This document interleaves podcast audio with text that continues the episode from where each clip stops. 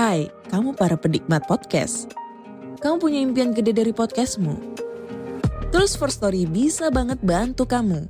Mulai dari F-Link, Dynamic Audio Insertion, sampai statistik yang komprehensif. Semua ada di First Story. Gak ketinggalan kamu bisa monetisasi podcastmu lewat iklan dari First Story Ads yang bisa kasih kamu penghasilan dari setiap place podcastmu. Yuk gabung sekarang dengan klik di firststory.me. Sekali lagi, klik di firststory.me. Mari kita bawa mimpi podcastingmu menjadi kenyataan.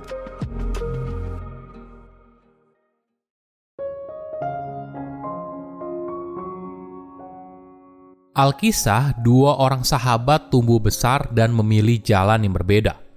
Yang pertama berhasil menjadi penasehat berpengaruh untuk raja, dan teman yang lain memilih hidup untuk menjadi pertapa. Ketika mereka bertemu lagi puluhan tahun kemudian, penasehat raja ini merasa sedih atas nasib temannya dan bilang, "Jika kamu belajar untuk melayani seorang raja, maka kamu tidak perlu hidup hanya makan nasi dan kacang." Tapi pertapa itu menjawab, jika kamu belajar hidup hanya dengan nasi dan kacang, maka kamu tidak perlu melayani seorang raja. Nah, apa hikmah dari cerita ini? Kekayaan bukanlah soal pengaruh, kemewahan, dan sebagainya. Tapi yang banyak orang tidak sadar, kekayaan adalah soal kebebasan. Dan ini merupakan hal yang paling penting yang bisa kamu beli. Halo semuanya, nama saya Michael. Selamat datang di channel saya, Sikutu Buku. Kali ini saya akan membahas buku The Simple Path to Wealth karya J.L. Collins. Buku ini membahas cara sederhana untuk mencapai kebebasan keuangan. Apa rumus dari kekayaan? Mungkin sederhananya, pengeluaran lebih kecil dari pendapatan, investasi uang kamu yang berlebih, dan hindari utang. Namun di era sekarang, berhutang menjadi sesuatu yang dinormalisasi. Mulai dari cicilan 0%, sistem pay later, hingga pinjol yang merajalela. Hati-hati jika salah langkah kamu bisa terjebak dalam hutang karena membeli sesuatu di luar batas kemampuan. Ini yang perlu dipahami. Uang seharusnya bukan berfungsi sebagai alat transaksi dan membeli apa yang kita mau. Tapi lebih daripada itu, uang seharusnya menjadi alat untuk membeli sebuah kebebasan. Uang tidak lagi menjadi indikator kita melakukan sesuatu. Kita justru menggunakan uang untuk melakukan apa yang kita mau. Saya merangkumnya menjadi tiga hal penting dari buku ini. Pertama, pahami cara kerja uang. Bayangkan sebuah hidup di mana kamu tidak lagi harus pusing masalah uang. Sebuah hidup di mana rasa takut soal finansial berubah menjadi ketenangan dan kepercayaan diri. Sebuah hidup di mana kamu memegang kendali, bisa membuat keputusan berdasarkan apa yang penting buat kamu. Ini semua terdengar indah, kan? Penulis memulai bukunya dengan membagikan pengalaman pribadinya dengan uang. Dia mengingat pengalaman awal hidupnya dengan uang, dari kepuasan saat menerima gajian pertama kali, hingga menyadari kalau kesuksesan finansial itu tidak seperti yang terlihat. Ada contoh yang menarik dari seorang pria bernama Jamie yang berusia 35 tahun. Jamie harus menanggung hutang biaya kuliah dan kartu kredit. Seperti banyak orang Amerika lainnya, Jamie menghabiskan waktu bertahun-tahun untuk mengejar ilusi sukses, berusaha membayar hutang sedikit demi sedikit, dan hanya menggunakan uang yang cukup untuk hidup sehari-hari. Kondisi ini membuat Jamie merasa terjebak dalam himpitan ekonomi. Namun ketika membaca buku penulis, Jamie mulai mempraktekkan isinya. Jamie mulai membuat sebuah budgeting yang fokus pada tabungan dan pembayaran hutang daripada pengeluaran yang kurang penting. Ternyata cara ini berhasil membuat dirinya fokus pada hal yang penting. Ketika tabungannya semakin bertambah, Jamie mulai berinvestasi. Sebuah konsep yang awalnya terlihat begitu sulit dicapai. Kebiasaan ini terus dilakukan secara disiplin. Dari bulan berganti tahun, Jamie akhirnya berhasil membayar semua hutangnya dan kekayaannya terus meningkat. Kedua, tips membangun kekayaan. Bagi rata-rata orang, tentunya mereka mendapatkan hidup yang lebih baik. Sebuah hidup di mana tidak perlu capek bekerja, tapi punya uang yang cukup. Namun sayangnya, pengejaran kita untuk mencapai kebebasan keuangan sering kali berakhir pada skema penipuan investasi. Kita tergiur dengan investasi yang menghasilkan keuntungan besar dalam waktu singkat. Alhasil, bukannya berhasil, kita bisa jadi bangkrut. Di sisi lain, ada orang yang tidak tergiur dengan semua itu dan mulai membangun kekayaannya sendiri.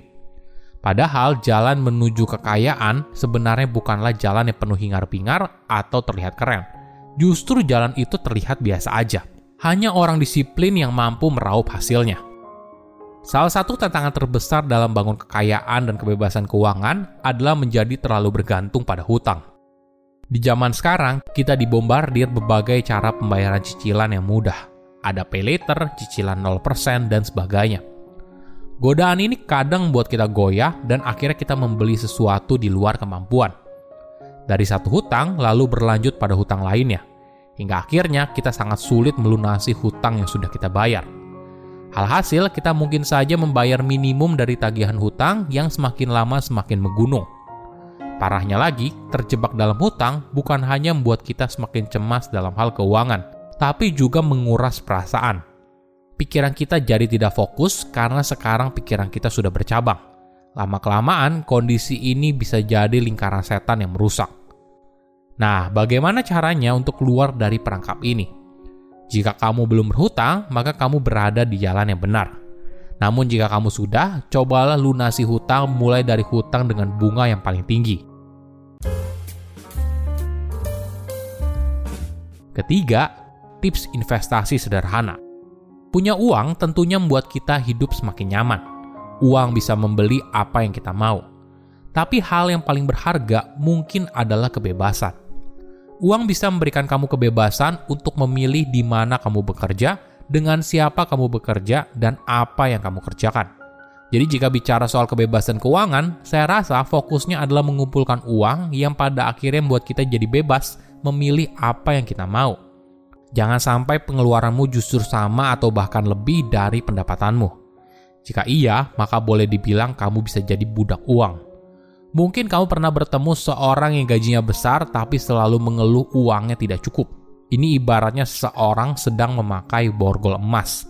Apa yang terjadi? Apa yang kita miliki membutuhkan perawatan finansial dan mental. Nah, seiring berjalannya waktu, hal ini semakin lama semakin berat Sederhananya, membangun kekayaan adalah memastikan kalau pada akhirnya saldomu positif setelah pendapatan dikurangi pengeluaran. Jadi ketika kamu berhasil mendapatkan penghasilan yang lebih besar, maka fokusnya bukan meningkatkan gaya hidup, tapi membangun kekayaan melalui tabungan dan investasi. Bagi penulis, apabila kamu tertarik untuk investasi di pasar saham, cara terbaik untuk membangun kekayaan bukan memilih mana saham yang bagus, tapi membeli kumpulan saham dalam saham indeks. Di Indonesia ada saham indeks seperti IDX 30 atau LQ45 dan sebagainya. Penulis berargumen alasan orang kehilangan uang di pasar saham itu ada tiga. Pertama, mereka percaya bisa tahu kapan waktu yang tepat untuk membeli dan menjual saham. Kedua, mereka percaya kalau mereka bisa membeli saham yang bisa memberikan untung besar. Ketiga, mereka percaya kalau mereka bisa memilih manajer investasi yang hebat. Bagi penulis, saham yang dijalankan secara aktif oleh manajer investasi tidak selalu bisa berhasil mengalahkan pasar. Memang ada kalanya mereka bisa mendapatkan untung yang besar, tapi dalam periode yang lebih panjang sangat sulit untuk mengalahkan pasar secara konsisten. Saran investasi lain yang penting adalah hindari jenis investasi yang kompleks, karena jenis investasi tersebut hanya menguntungkan si pembuat dan si penjual. Kadang strategi sederhana justru bisa membawa kita pada kekayaan, yang penting kita sabar dan disiplin.